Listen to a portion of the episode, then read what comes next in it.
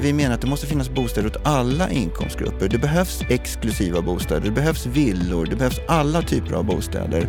Men det behövs också bostäder för svagare grupper och det ser vi ingenting av. Lösningar eller man eh, försöker trolla med knäna men det, det funkar inte alltså. Det finns inte några bostäder för de som behöver dem som mest.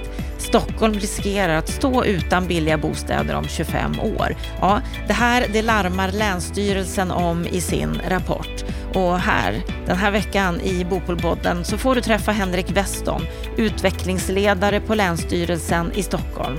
Vi samtalar om varför samhällsutvecklingen går åt fel håll, om den svaga politiska viljan på både kommunal och nationell nivå och vad som måste göras för att vända utvecklingen. Och efter det här samtalet så får du höra en kommentar av Lennart Weiss och han är inte helt enig med Henrik Weston. Inte på så många sätt. Varför? Det får du höra i slutet av det här programmet. Jag heter Anna Bellman, väldigt tacksam för att du lyssnar på oss på Bopolpodden. Är det så att du vill förkovra dig mer, då går du såklart in på bostadspolitik.se där vi samlar allt av värde inom bostads och fastighetspolitiken och det som händer på marknaden. Nu är det dags att träffa Henrik Westholm.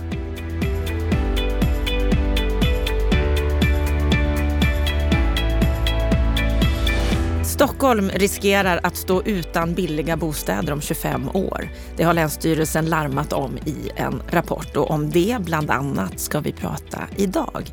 Varmt välkommen till Bopolpodden, Henrik Weston. Ja, men tack så mycket. Riktigt roligt att vara här.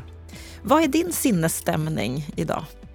Jo, men det, den är bra. Det är en liten kylig morgon här i Stockholm idag, men man får pylsa på sig lite grann. Så, så att det, det känns som det blir en bra dag. Ja, du har promenerat. Ja, delvis. Eh, jag brukar promenera men eh, när det var så otroligt kallt idag så fick jag ge mig ner i tunnelbanan en liten bit också. Då får man ta hjälp. Du, Henrik, du är utvecklingsledare på Länsstyrelsen i Stockholm. Du är också expert i utredningen En social hållbar bostadsförsörjning som ju beräknas avsluta sitt arbete i mars i år. Vi kommer tillbaka till den. Och så står du bakom Länsstyrelsens årliga rapport Läget i länet om bostadsmarknaden i Stockholms län. Men innan vi kommer in på den och vad ni har kommit fram till där. Vad skulle du säga är Länsstyrelsens roll när det gäller bostadsfrågorna? Jo men eh, alltså, vi har ju en, eh, ett bost, en bostadsförsörjnings... Eh, ja, sen en ganska lång tid tillbaka så har vi ett bostadsförsörjningsansvar och vi har en utpekad roll i bostadsförsörjningslagen. Och det är, jag brukar säga att Länsstyrelsens arbete vilar på två ben. Att det ena då är, har med, med lagen att göra, det, det är att ge råd och stöd och information till kommunerna. Det är ju kommunerna som har själva bostadsförsörjningsansvaret och vi ska då ge råd och stöd, tips på hur man kan jobba med de verktyg som finns och så. Och det andra eh, benet som vårt uppdrag vilar på, det är just att analysera bostadsmarknaden. Att eh, se hur växer länet? Vilken befolkning har vi? Vilken typ av bostäder har vi? Vilka typ av bostäder saknas? Och det ska vi sammanfatta då en gång om året i då den här rapporten och det är ett eh, ja, det är en förordning så det är alla länsstyrelser som gör en, en sån här eh, rapport till ja, regeringen först och främst. Men man kan säga att vi på Länsstyrelsen i Stockholm, vi har breddat vårt uppdrag att även om regeringen och ja, Boverket är vår, vår främsta, det var första de egentliga mottagare, så vill vi skriva den här rapporten på ett mycket bredare sätt så att det blir ett kunskapsunderlag för kommunerna och branschen. Det handlar mycket, mycket om att skapa en gemensam bild av hur det ser ut i länet. Eh, och att försöka också skriva på ett väldigt lätt sätt så att, ja, vi brukar skämtsamt säga att tant Agda i Bandhagen ska kunna läsa rapporten och få sig en bild av hur det, hur det fungerar. Lyckas ni med det då? Jo, men jag tycker det. det och det är den här balansgången också att det får inte bli för banalt så att om man är väldigt insatt i det så tycker man att det här är ju ingenting. Men och inte heller då stänga ute människor. Men vi får väldigt mycket upp, uppmärksamhet och uppskattning för eh, att den är så lättläst och förståelig och vi förklarar och, och så. Så att jag tror att vi lyckas med det. Känns som det. Hur, hur kommer det sig att du kom in på de här frågorna? Vad är det som, som har lett till där du är idag? Ja, innan jag började jobba på Länsstyrelsen då jobbade jag i Stockholms stad i, ja, i tio år faktiskt. Och jag är samhällsplanerare. Och när jag jobbade i stan i Stockholm då jobbade jag med tillväxtfrågor.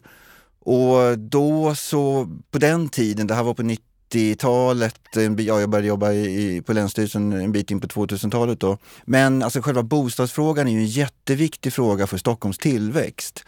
Och det har ju under en lång tid, många, många, många år har ju bostadsfrågan släpat efter och företagen var på Stockholms stad att det här måste liksom lösas. Och när jag såg den här tjänsten då på, på Länsstyrelsen att eh, man skulle då på den tiden inrätta någonting som kallades för bostadssekretariatet det var ju väldigt många som sökte den tjänsten, men jag hade det här tillväxtperspektivet in i bostadsfrågan. Liksom, för det är ju en koppling mellan alltså företagens behov men också det som jag sen fått liksom lära mig mer, det är ju de här sociala frågorna som, som, som sen kanske har blivit den riktigt stora biten. Men det är lätt eh, ja, det, det, det är det som gör att frågan blir så rolig att jobba med, att det både är eh, Ja, och när vi pratar om tillväxtperspektivet då är det inte heller bara ingenjörer och så utan det är hela Stockholm måste ju också försörjas av vanligt folk. Så det har blivit en stor fråga här nu de sista åren. Är du orolig för utvecklingen? Ja, jag är faktiskt väldigt bekymrad över utvecklingen. Just för svagare grupper då, hur de ska hitta en, en bostad i, i, framöver. Det är ju svårt redan idag och det, som det ser ut nu så lär det inte bli enklare. När, när ni släppte den här som, rapporten, då, Läget i länet i somras, så sa du så här i en intervju. Jag är uppriktigt sagt bekymrad över utvecklingen i länet. Det finns inga tecken på att situationen för låg och medelinkomsttagare är på väg att förbättras. Stockholm har blivit för dyrt. Ja, det, det stämmer. Det är så vi sammanfattar det. Och man kan ju säga så här att alltså bostadsmarknaden fungerar relativt väl om man har ett bra jobb, hög inkomst, har en förmögenhet. Då kan man öppna första bästa tidning och, och se hur man skulle vilja bo framöver. Men för väldigt många stockholmare som, som inte har den möjligheten, då är det en tuff situation. Och det handlar inte bara om, det kan lätt bli en slagsida åt hyresrätten och hyresrättens framtid. Och det är ju liksom en, en, fråga för sig och där är vi väldigt bekymrade. Men man har ju också, ja, fram till för några år sedan i alla fall, haft bostadsrätten som en möjlig väg. Men den är ju stängd nu också för väldigt många. Mm, det är för dyrt att ta sig in. Det är för, för dyrt att ta sig in ja, på grund av de här alla krav då som finns. Så att det är liksom, alla vägar är stängda. Och eh, om man då tar, eh, alltså själva hyresmarknaden så, är det ju, så pratas det ju ofta om de långa köerna. Och då får man liksom titta egentligen också, hur långa är köerna egentligen? Och eh, om man då är, har en god lön och en hög inkomst så kan man faktiskt få en bostad via bostadsförmedlingen på mindre än ett år. Alltså mellan en månad och ett år är kön för en nyproducerad bostad. Men då det, pratar vi nyproduktion? Ja, vi pratar nyproduktion. Men det kommer lätt bort i själva debatten. Man pratar om de långa köerna, att det tar 15 år. Är det fel bild menar du? Det, ja, man kan säga att man måste också... Fel bild är det delvis för att det är lätt att tro att det för alla är en lång kö eh, till bostadsförmedlingen. Men det är ju för de som har störst behov och för de, de som inte har en möjlighet att bo i nyproduktion som är liksom hänvisade till det befintliga beståndet där de lägre hyrorna finns. Det är dit den långa kötiden är. Och det är där alla vägar är stängda, alla dörrar är stängda? Ja, det är ju för det. De, för den målgruppen, ja. säga, för de personerna som är svagare. Ja. Men är det så illa att det inte kommer att finnas några billiga bostäder om 25 år som ni har gått ut och larmat om? Ja, jo men faktiskt. Eh, och det kan vara 20 år, det kan vara 30 år. Det är svårt att, alltså det, när man hugger en sån siffra så är det svårt att veta. Men alltså all utveckling som det ser ut nu pekar mot att de billigare bostäderna är på väg att försvinna. Och det är ju genom, alltså det är ju tre saker. Dels har vi bostadsrättsomvandlingar som inte sker i samma utsträckning som tidigare men det pågår ändå fortfarande.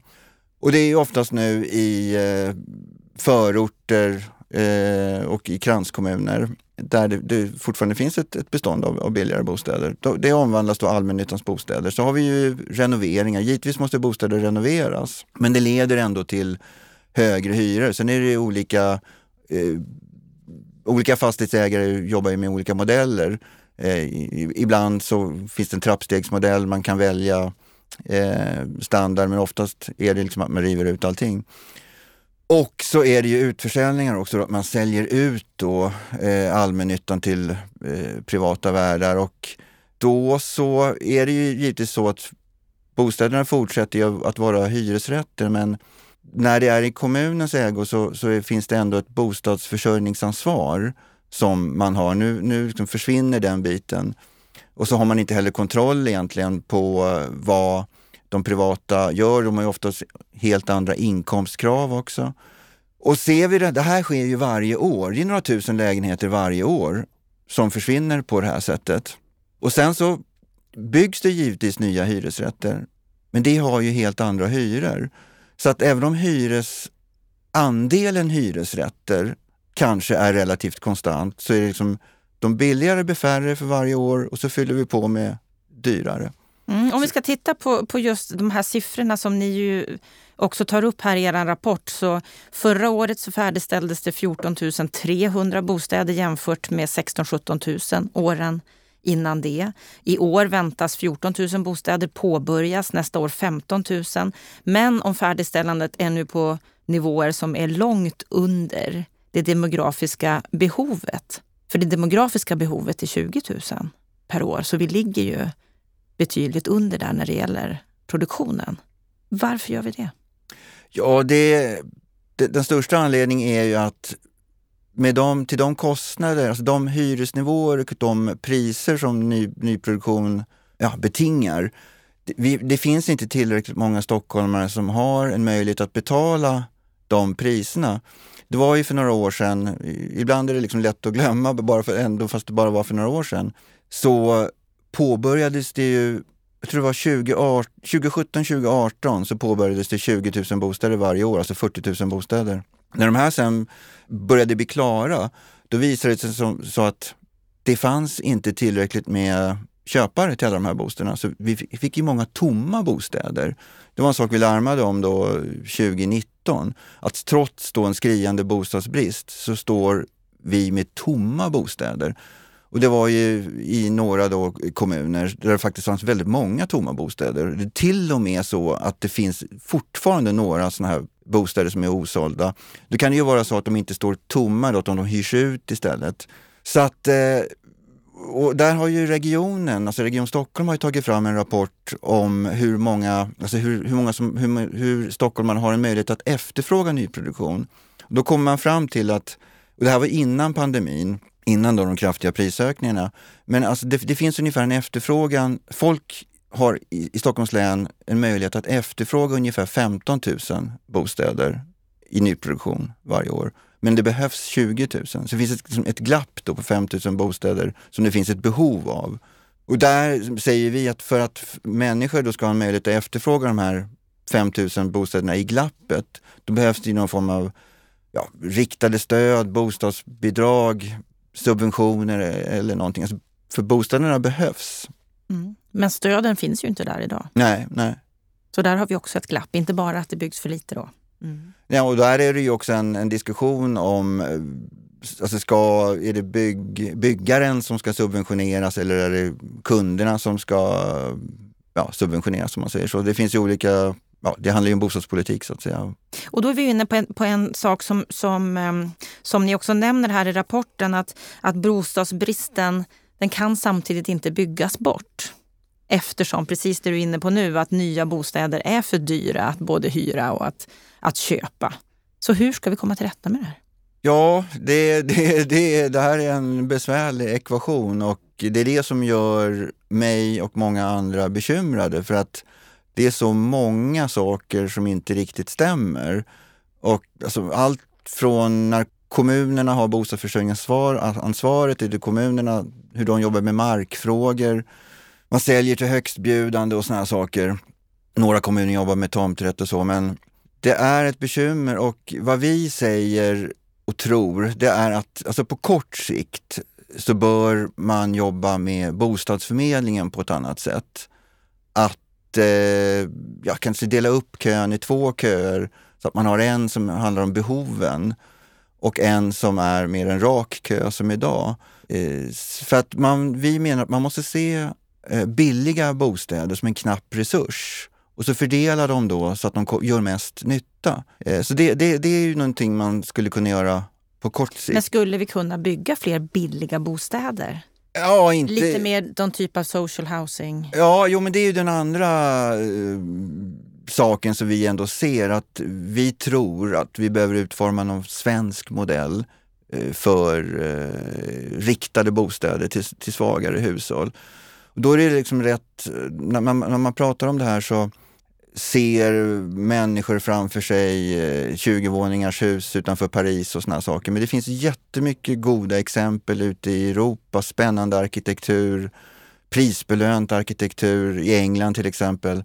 Så att eh, ja, hitta någon form av svensk modell. Sen så tror jag... Och hur skulle den kunna se ut? Bara om vi får vila i den frågan lite, ja. för det här diskuteras ju mycket och oh ja, många oh ja. är ju rädda för att ens nämna ordet eller uttrycket social housing. Vad är social housing för er? Hur skulle det kunna se ut? Har inte funderat så här jättemycket annat än att jag tror kanske inte att det ska vara hela fastigheter utan det ska vara mer insprängt i... Eh, Enskilda lägenheter i en, en viss del, ja, en procentsats i ordinarie eh, nyproduktion så att säga. Men med då en annan standard? Det tycker jag kanske inte att det bör vara egentligen, utan eh, det, det, det, det, bör nog vara en, eh, en, en, ja, den ordinarie standarden. Och sen så Ja, och sen är det ju viktigt att själva kontraktsformen, alltså att, att det inte handlar om korta kontrakt. För många idag pratar ju om, ja men vi har ju sociala kontrakt och det kan vi ta och kanske öka och sådär. Men det är en väldigt osäker boendeform och eh, det finns hyreslagen sätter begränsningar för hur långa de kontrakten får vara och så. så att, för att det här, det här, är ändå människor som finns och det måste finnas en långsiktig lösning för, de här, för den här gruppen, för de här människorna. Det är många av den här gruppen, de här människorna ökar ju. Och det här är folk som vi behöver i vårt län. Man ska inte behöva flytta från vårt län för att man inte kan lösa sin bostadssituation. Och det är ju någonting vi ändå har sett de senaste åren. Tre år i rad har ju utflyttningen ökat från, från vårt län.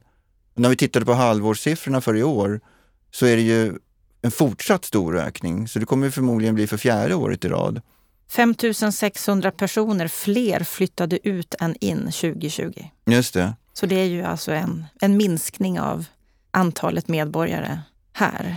Och framförallt så är det ju unga människor unga och människor i familjebildande ålder som flyttar. Och man flyttar ju till, till närliggande områden som Sörmland, Västmanland och Uppsala. Mm. Är det här något att oroa sig över när, när den här trenden så att säga fortsätter år efter år? Ja, ja, ja jag tycker att det är det. Det blir... Eh, nu har ju den här trenden förstärkts av pandemin och det kan vara lättare att, att jobba på distans och sådana saker. Men det är ändå... Jag tror att de här människorna de här hushållen hellre skulle ha köpt kanske en, en, eh, en villa i Nacka eller i, i ja, i, i, vårt län. Men ja, flyttar då någon annanstans, oftast så som du säger då, till, till angränsande län. Ja, jo men det, det, är ett bekymmer att, man inte, att, vi inte, att, att det har blivit för dyrt och det är ju så att småhusen har ju ökat med 50 procent sedan 2010. Medelpriset är över 7 miljoner. Och det pendlar från eh, ja, 3-4 miljoner i, Norrtälje till ja, ni vet 20 miljoner eh, i, i, för, ja, i, i, vissa områden. Så att det är ju orimliga priser och om man då vill bo i ett småhus som många vill göra, då är det nästan en omöjlig, omöjlig dröm att uppfylla i vårt län. Så då, då får man flytta någon, ja, till ett annat län. Mm. Många undersökningar visar ju att många vill bo i småhus, men att de byggs ju väldigt lite. Ja, men vi, ja precis, det gör de. Och vi ser, men vi ser faktiskt en ganska kraftig små, en ökning av småhusbyggandet i, här i vårt län. Är det, en, är det en markant? Kommer vi se skillnad? Ja, men det är ganska markant. Nu är det ändå från låga nivåer, men det är en ökning på typ 50 procent på halvåret i år jämfört med halvåret eh, när vi jämför med 2020. Då går det ju åt rätt håll. Det går åt rätt håll, visst, men det, det är ju fortfarande små nivåer. Någonting som du, som du tar upp här också är, är risken för social oro just när, när personer med svagare ekonomiska möjligheter eh, inte har möjlighet att, att hyra eller efterfråga ett, ett ägt boende. Och I en artikel i, i DN så säger du att riskerna just för social oro väntas öka. Och du säger så här, grunden för ett stabilt samhälle är utbildning, arbete och bostad. Om unga ser att de inte har någon chans till en bostad kan de välja andra banor. Alltså inte bara andra orter att flytta till, utan nu pratar vi om en annan typ av oro. Vad är det du menar här? Jo, men det här handlar egentligen om klassisk samhällsplanering. Varför, det finns en anledning till varför själva samhällsplaneringen liksom växte fram i, på 1800-talet. Det var ju den oro som fanns i samhället med, det var ju på grund av, jag höll på att bli ja, revolution i många länder och så. Och idag pratas det väldigt mycket om eh, ja, hårdare straff, eh, fler poliser och det jag är den första att också säga att vi behöver säkert fler poliser och hårdare straff. Och sen pratar man om utbildning, vikten av utbildning, man pratar om att alla måste ha ett jobb. Men nästan ingen pratar om bostadens betydelse i samhällsbygget. Och det, är, det har vi på Länsstyrelsen väldigt svårt att förstå. För att det är ändå grunden för eh, att kunna leva ett vanligt liv och också grunden för att kunna plugga, grunden för att få ett jobb, att man, har, man vet var man ska bo, sova någonstans nästa natt. Och jag tror att i många då, så att säga, utanförskapsområden, det är stora familjer, många barn. Ja, man har en familj med sju, åtta barn och tänker, var fasiken ska de här bo framöver? Alltså det, man måste koppla ihop bostaden med den svenska modellen, med, Eh, ja, med, med de här frågorna om ett stabilt samhälle framöver. Och det handlar lite grann om eh, ja, att ge unga ett hopp inför framtiden. Att jag vet eh, när jag blir dryga 20 år att jag ska hitta någonstans att bo. Det ska inte bli att jag tvingas bo hemma tills jag är 35 eller vad det nu kan vara. I en redan jobbig miljö för att som sagt det här är trångbodda, trångbodda hushåll. Det är ett helhets helhetstänk som du vill, som du vill se här? Ja, det, det, det, precis. Det är ett helhetstänk och eh, man måste förstå bostadens betydelse i samhällsbygget. Du sa förut att, att eh, kommunerna har ju bostadsförsörjningsansvaret. Det är ju uttalat i, i vårt samhälle. Tar de inte sitt ansvar här?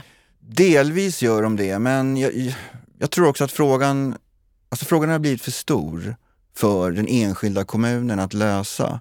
Och alltså det yttersta ansvaret för eh, bostadspolitiken, det är ändå liksom regeringen, det är där liksom spelreglerna formas för, eh, för, för hur kommunerna, och för hur alla ska kunna jobba med att få fram bostäder till alla inkomstgrupper. För det kan man ju lätt tro när man lyssnar på Länsstyrelsen att, att eh, vi pratar bara om svaga inkomstgrupper, men vi menar att det måste finnas bostäder åt alla inkomstgrupper. Det behövs exklusiva bostäder, det behövs villor, det behövs alla typer av bostäder. Men det behövs också bostäder för svagare grupper och det ser vi ingenting av lösningar eller man eh, försöker trolla med knäna men det, det, funkar inte alltså. Du nämnde här den svenska modellen. Vad, vad är den svenska modellen för dig? Ja, den svenska modellen är ju egentligen själva välfärdsbygget. Att, och det, om man då tar själva bostadsdelen i den, i, den, eh, i, i den svenska modellen, det är ju den här att det ska vara en, en generell bostadspolitik eh, genom eh, att liksom, staten står för spelregler och sätter förutsättningarna så ska då andra, ja, marknaden se till så att eh, det finns bostäder för alla. Men jag tror att den modellen har nått vägs ände. Det, det funkar inte längre. Mm. Kartan stämmer inte längre med verkligheten. På, på ledarplats i DN den 22 november så får ni på Länsstyrelsen en hel del kritik för den här rapporten och man skriver bland annat så här, som rubrik på den här ledaren så står det att den svenska modellen för bostadsmarknaden är verkligen inget att försvara.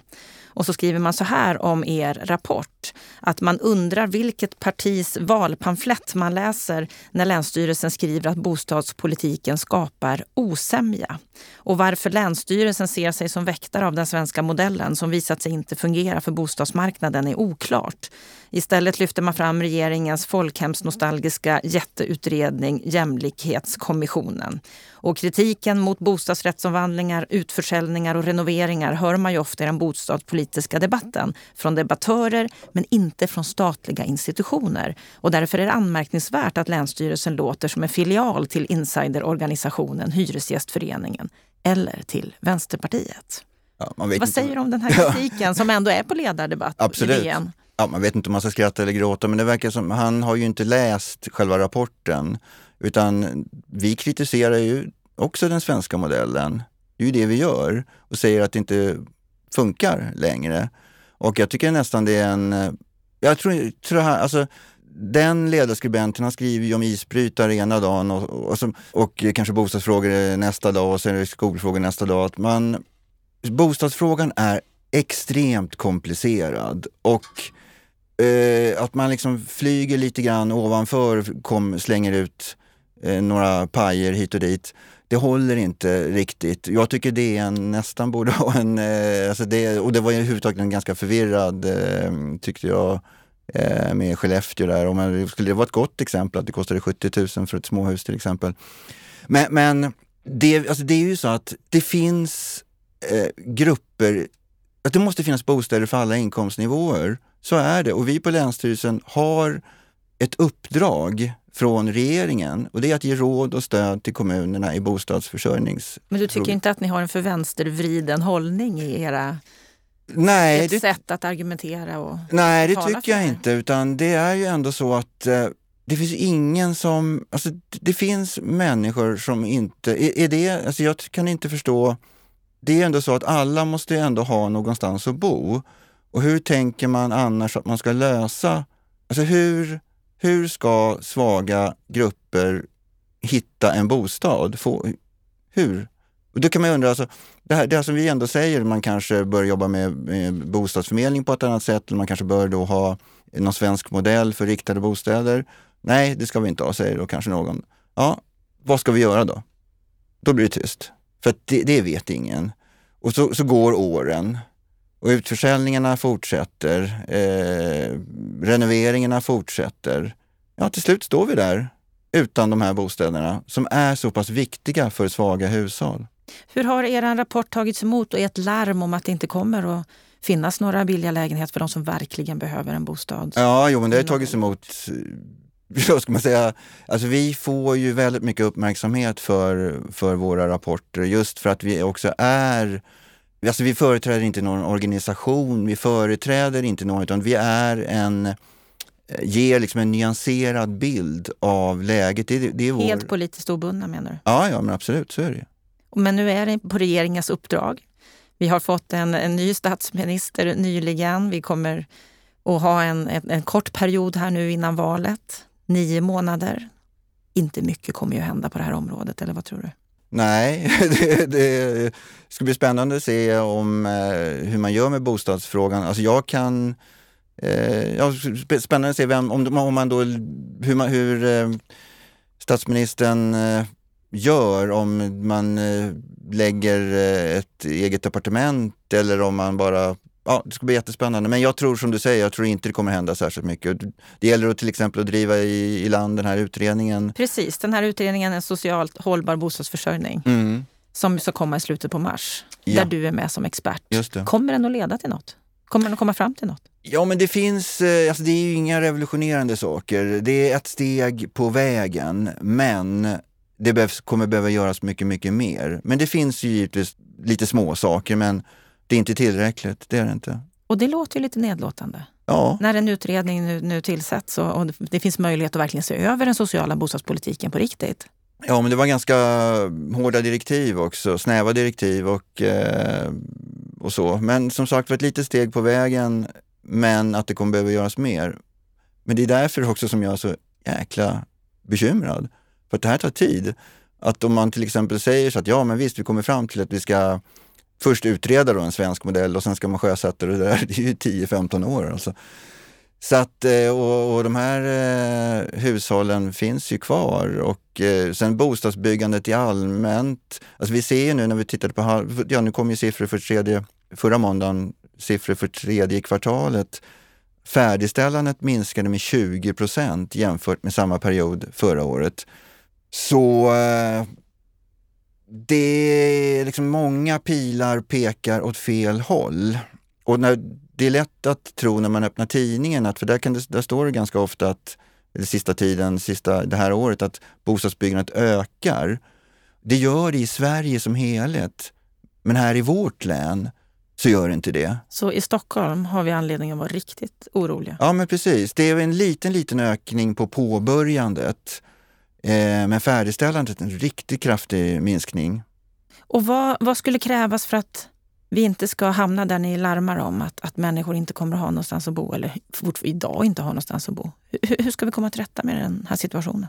Ja, men det krävs, eh, det krävs rejäla initiativ från eh, regeringen alltså. Mm, och sen det är på högsta nivå vi måste ja, se en förändring. Ja, och sen så måste också kommunerna försöka, alltså, i den mån kommunerna kan göra någonting inom ramen för det bostadsförsörjningsansvaret man ändå har. Det går ju ändå att göra en hel del saker, men det krävs också en politisk initiativkraft och politisk vilja att jobba med de här frågorna. Vill inte politikerna tillräckligt? Nu vet vi, pratar om eh, på kommunal nivå eller? Ja, egentligen är det ju båda nivåer. Ja, ja. Att det krävs en politisk vilja från båda, på ja. båda nivåer kanske. Ja, just det. Nej, men om vi tar här i Stockholms län på eh, den kommunala nivån så är det ju också så att från förr, alltså i samband med förra valet så, så vi har analyserat det där på Länsstyrelsen och sett att eh, det, var, det, det är i, i många kommuner så finns det en ökad, ett ökat motstånd bland invånarna mot fler bostäder. Och man vill inte ha fler bostäder där man bor? Nej, man vill gärna ha fler bostäder i länet. Men inte... inte not in my backyard. Nej, och det är ju ett bekymmer också med tanke på att vi, eh, vi, vi har ju, alltså vi ökar ju, när vi pratar också om att det flyttar ut eh, ungefär 5 000 om året, så är det ändå så att länet ökar. Vi ökade ju förra året, men ja, vi, vi ökar ju med 30-40 000 varje år och har gjort det under väldigt många år. Även om vi ökade med lite färre förra året då på grund av pandemin. Så att vi kommer att öka, alltså vi är nu 2,4 miljoner invånare. Allting pekar mot att vi kommer att vara 2,6 miljoner redan 2030. I Stockholms län? Ja, det är 200 000 fler människor. Och det är ju inte så att som samhällsplanerare brukar man i, i Sverige räkna med, eller i Stockholms län, ungefär att det behövs, på tusen nya invånare behövs det ungefär 600 bostäder. Så när du ser den här bilden framför dig att vi kommer att öka med antalet invånare. Även om många väljer att lämna oss också så är det ju inte i paritet med ändå hur ökningen ser ut. Det byggs för lite för att tillgodose det här. Det är för få billiga lägenheter för att människor ska ha råd och möjlighet att bo. Känner du någon slags optimist att vi ändå kommer att ro det här i hamn eller är det svart? Ja, men det, är, det som ändå är optimistiskt det är att väldigt många har börjat prata om de här frågorna idag. Och det får man ändå ta som ett gott tecken. För det gjorde, alltså det bara räcker med att backa en tre, fyra år sedan, ja, så, så pratade man inte om till exempel riktade bostäder eller något sånt. Nu har det ändå kommit upp lite grann och man funderar kring vad som skulle kunna behöva göras och, och sånt. Så att jag eh, ändå, alltså även om jag är bekymrad så finns det ändå ett ljus någonstans i tunneln som ligger jag vet inte om det är förbifarten vi pratar om då, några mil bort, men det Någon finns... slags optimism finns det, att ja. det finns ju möjligheter om viljan Om finns den där. politiska viljan finns så går det att göra någonting. Det är inte rocket science det här alltså. Då tycker jag vi avslutar med att det finns en en optimism någonstans där borta i alla fall. Stort tack för att du kom till Bopolpodden. Mm, tack så mycket, kul att vara här.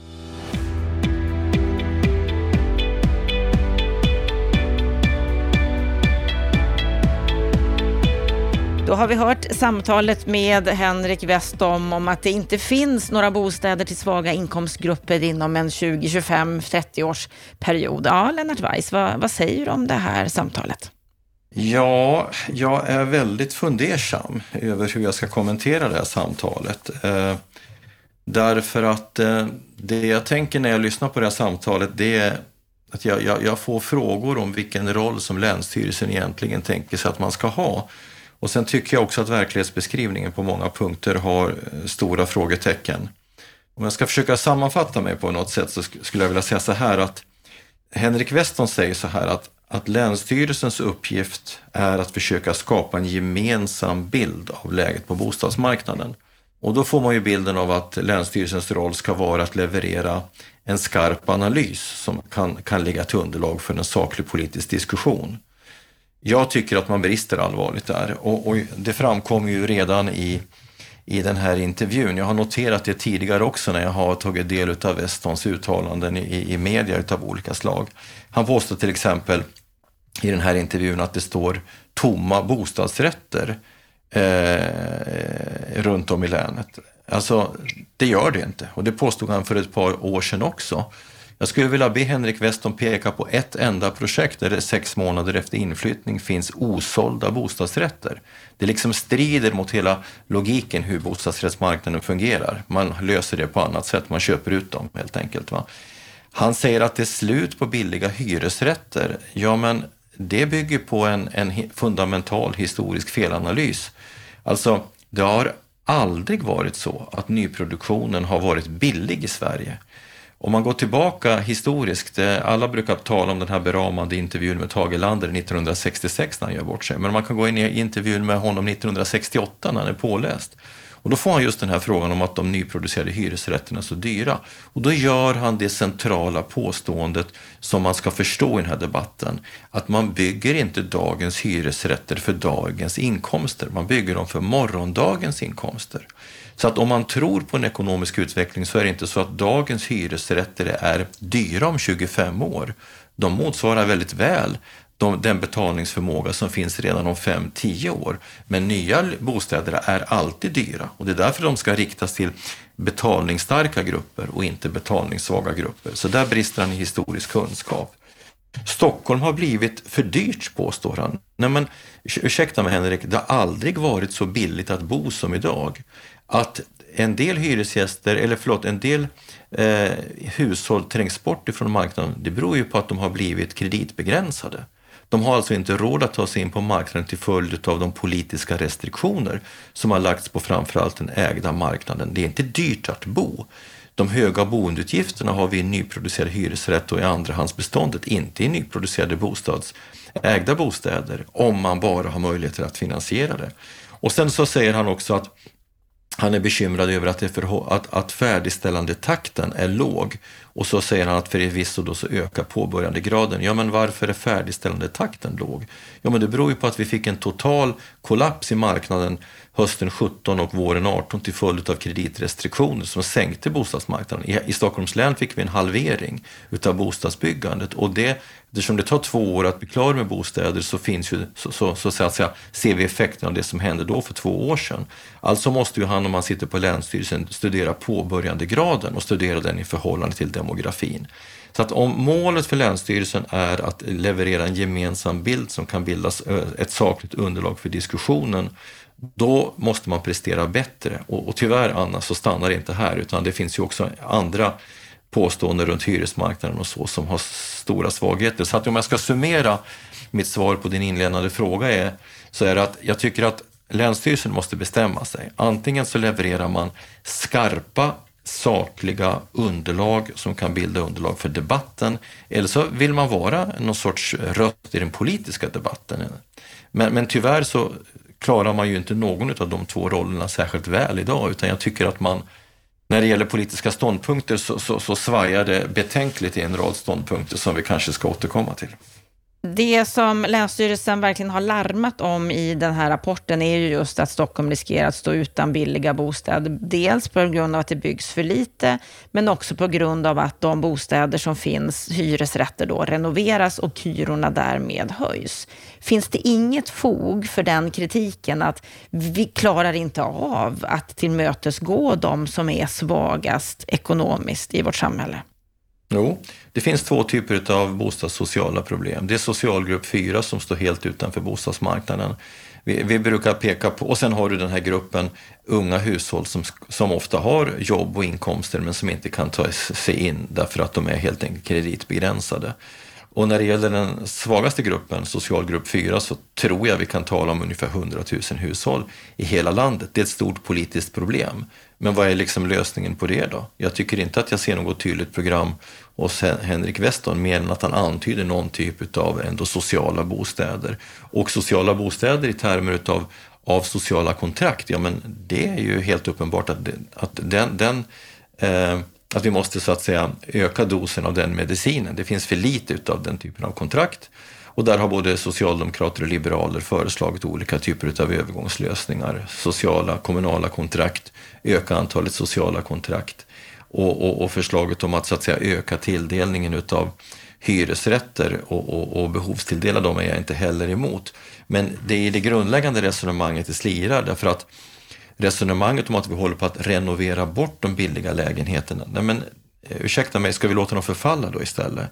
Och vem är det som renoverar bostäderna i det ägda beståndet? Alltså det finns på något vis en underförstådd premiss i debatten att så fort vi pratar om hyresrätter så är det någon annan som ska betala för renoveringarna. Men vem betalar för renoveringarna för villor och bostadsrätter? Det gör ju de som bor i dem. Och det måste ju i så fall de som bor i hyresrätter göra också. Och Sen har vi ju så är... att de som bor i ett ägt boende, de har ju möjlighet att använda rotavdrag. Det har man inte i det hyrda. Jo, du har rotavdrag i det hyrda. Du har 100% avdragsrätt för alla drifts och underhållskostnader om du är fastighetsägare. Så att hela resonemanget om att det inte finns rotavdrag, de är ju ännu mer generösa om du är en fastighetsägare. Må vara att du gör det då, eh, så att säga, eh, före den slutliga beskattningen. Men, men, men, men, men det, det, är liksom... Eh, det finns ett, ett perspektivfel i den här diskussionen som, jag, som bekymrar mig. Det är inte så att vi kommer att stå utan billiga bostäder om 25 år. Om vi tror på en inkomstutveckling under de kommande 25 åren, och det måste vi ändå tro, då kommer den inkomstutvecklingen vara klart bättre än kostnaden för de renoveringar vi gör idag. Och alternativet är ju antingen att vi låter de här bostäderna förfalla, eller så ska man sätta in jättestora statliga subventioner. Det kan man ju tänka sig. Men då måste ju de i så fall träffa alla delar av beståndet. Så det finns liksom ingen symmetri i, i hans analys. Och jag tror helt enkelt att det bottnar i i, ursäkta mig, men brist på fastighetsekonomiskt kunnande. Mm.